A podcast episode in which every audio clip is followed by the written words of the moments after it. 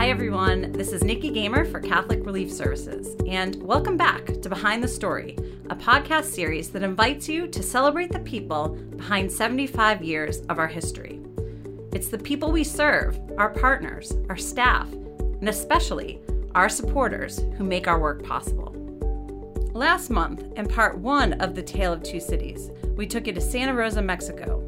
You heard from Ulick Plowy, a World War II refugee from Poland born in the Soviet gulags. But this month, in part two, we take you to CRS's offices on the 79th floor of the Empire State Building. Here, while Ulick was in Santa Rosa, CRS's first project, 20 CRS staffers had come into work on a Saturday morning. It was 1945, and there were thousands of war refugees who needed assistance. Bishop Edward Swanstrom, CRS's assistant executive director, decided he needed a haircut. So he left his desk and took the elevator to the ground floor. Within minutes, an army plane came crashing into his office window.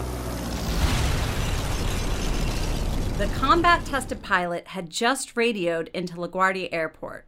He wanted to land his B 25 bomber after a transport mission. Now, the air traffic controller told him that the fog was so thick she couldn't even see the top of the Empire State Building. So she diverted him to Newark, New Jersey. Now, for reasons we can only speculate, he turned the wrong way. And by the time he saw the Empire State Building through his windshield, he was just 200 feet away. It was too late. We are delaying the start of our regularly scheduled program to bring you a special news report on the crash of an airplane into the Empire State Building. The aftermath was an inferno. Therese Fortier Willig, a CRS employee, was 20 years old at the time. During an interview in 1955, Therese talked about what she witnessed. Six of us managed to get into this one office that seemed to be untouched by the fire and close the door before it engulfed us. There was no doubt that the other people must have been killed. You sort of stuck there in an island with fire all around us. A couple of the women had, had passed out from the smoke. I didn't expect to get out alive. Somebody opened the window, and uh, I'm sitting there, and I thought about my rings, and I figured somebody else might as well have use out of them. So I took them off my fingers and threw them out the window. a man appeared, you know, a few stories down. He looked up and he signaled up to us. I guess he was trying to give us a little solace that I know that you're there. Don't worry, you know. And that was a that was a connection with the rest of the world, you know. We all felt a little better to know that someone knew we were there. All of a sudden here were here were firemen and they're coming to rescue us you know uh, all dressed up in their raincoats and whatever they wear you know when it was just just wonderful.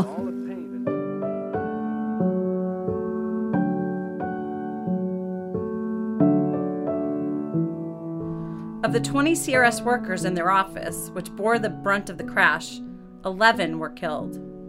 Also killed were the pilot and crew from the plane. The 11 killed were heroes long before the plane hit their office, selflessly working to channel the compassion and philanthropy of Catholics in the U.S. to those in desperate need, including Ulick Plowey and the 1,500 refugees CRS was helping in Santa Rosa.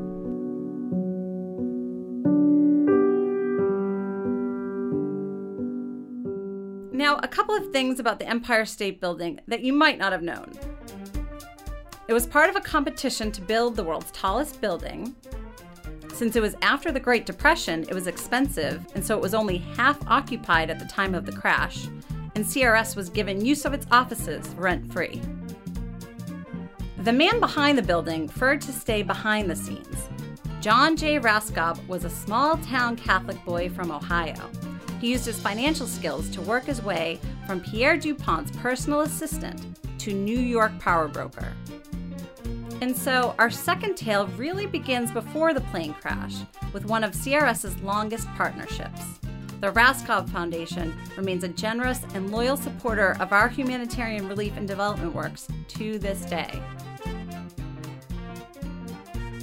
Dana Robinson is John J. Raskob's grandson. And following in Raskob family tradition, Dana visited CRS projects in Africa while he was still in college in the 1960s. He ended up working for Monsignor Wilson Kaiser, who established many of our first programs in Africa in the 1950s. Dana, can you tell us more about Monsignor Kaiser? Yes, he's a legend at CRS. He, he, he was considered a rebel by the senior management in the Empire State Building because he never followed the rules. He just got things done regardless of policy. and he had a big heart. He he uh, he was responsible for bringing a lot of students to this country and finding them scholarships and homes that's the kind of man that Monsignor was. He, when he saw somebody in need, he'd try to take care of them. I, I was I was taken by him because he was he was a, a, a priest, Monsignor, and, and he, he was just so real and alive and, and uh, authentic. He loved cigars. He liked to eat. he was a good man. So, as I understand it, your grandfather had a connection to the Empire State Building. What did you hear your family say about that time in history? I, I, I recall learning from both family lore and, and CRS lore plane crashed into Bishop Swanstrom's office. And uh, Bishop Swanstrom, moments before, had left the office to go down to the ground floor to get his hair cut. And uh, I've always considered that providential because he wouldn't have been with us if he hadn't gone down to get his hair cut. For years, the Empire State Building was having a hard time finding tenants because it was so unusual. But the, the crash demonstrated that it wouldn't topple over.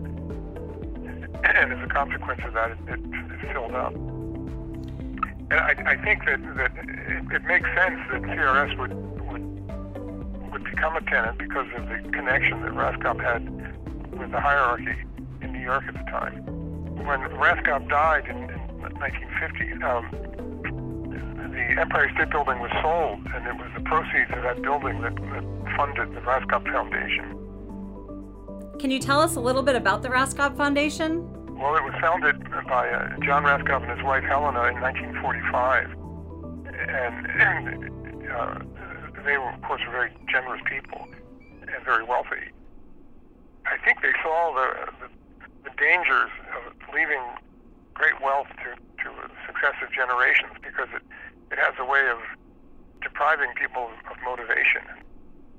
The foundation, which is about to celebrate its 75th anniversary, not unlike CRS, the, the foundation, uh, the members are, are descendants of the founders. And uh, the foundation, which since its inception has given out over $200 million all over the world. Now, can you talk about the similarities between the Raskob Foundation turning 75 and CRS's own 75th? Shared event that comes to mind would be Vatican II. And, and it would be interesting to uh, to uh, consider how Vatican II affected each of those organizations. With, with the Raskob Foundation, I, I think the the enhanced role of the laity uh, became more more important and, and more real in terms of what the church is doing in the field, because all of the Raskob's grants go through the Catholic Church, but many of the doers now, in fact, probably most of them, are are not ordained. They're they're laity who are, who are working with the church. People say to us, "Well, what does it mean to be Catholic?" you, can, you, can, you can guess my answer. we, we say that, that uh, unlike before Vatican II, nothing was Catholic unless it was. Today, we say everything is Catholic unless it isn't. Because any gesture on the part of one person that recognizes and promotes the dignity of another is a reflection of the gospel. And therefore, in our opinion, it should be considered Catholic.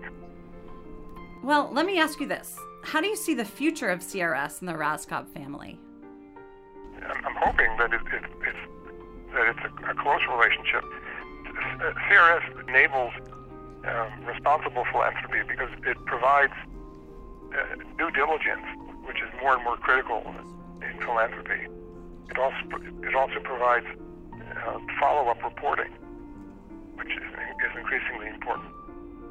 As I mentioned earlier, and, and this is this is a real attraction, at least for me, of CRS, and that is it encourages on-site collaboration with other parties, and, uh, all of which makes for an efficient and effective uh, discharge of, of, the, uh, of CRS's responsibilities, but also the responsibilities of the, of the, of the donor groups like the Raskob Foundation. CRS is another reminder of what's important in the world and, and, and how to engage our own talents and gifts to, to contribute to the betterment of the world. What is it that you hope for? And you can answer that any way you want. You mean other than salvation? Excuse me. Let's see. I'm hoping that the world uh, rediscovers beauty.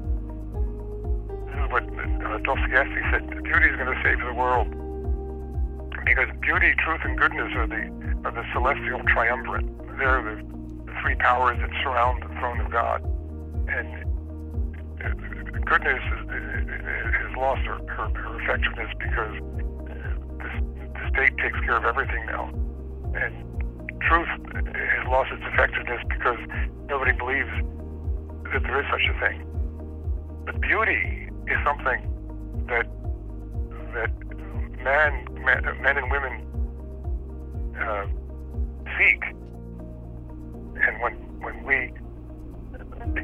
respond to beauty, we're going to rediscover truth and goodness. Wow, that's beautiful. Thank you for sharing that. Well, that wraps up our two part chapter of The Tale of Two Cities Ulick Plowey, Bishop Swanstrom, John J. Raskob, Dana Robinson. These, they're just a few of the names that are part of our CRS history. But we have 75 years to share with you. So join us next month as we explore the 1950s featuring Dana Robinson's old boss, Monsignor Kaiser, and his excellent adventure across sub Saharan Africa in a VW bus. And I would totally go on that trip. But until then, thanks for listening. And if you can't wait for our next podcast, check us out online at 75.crs.org.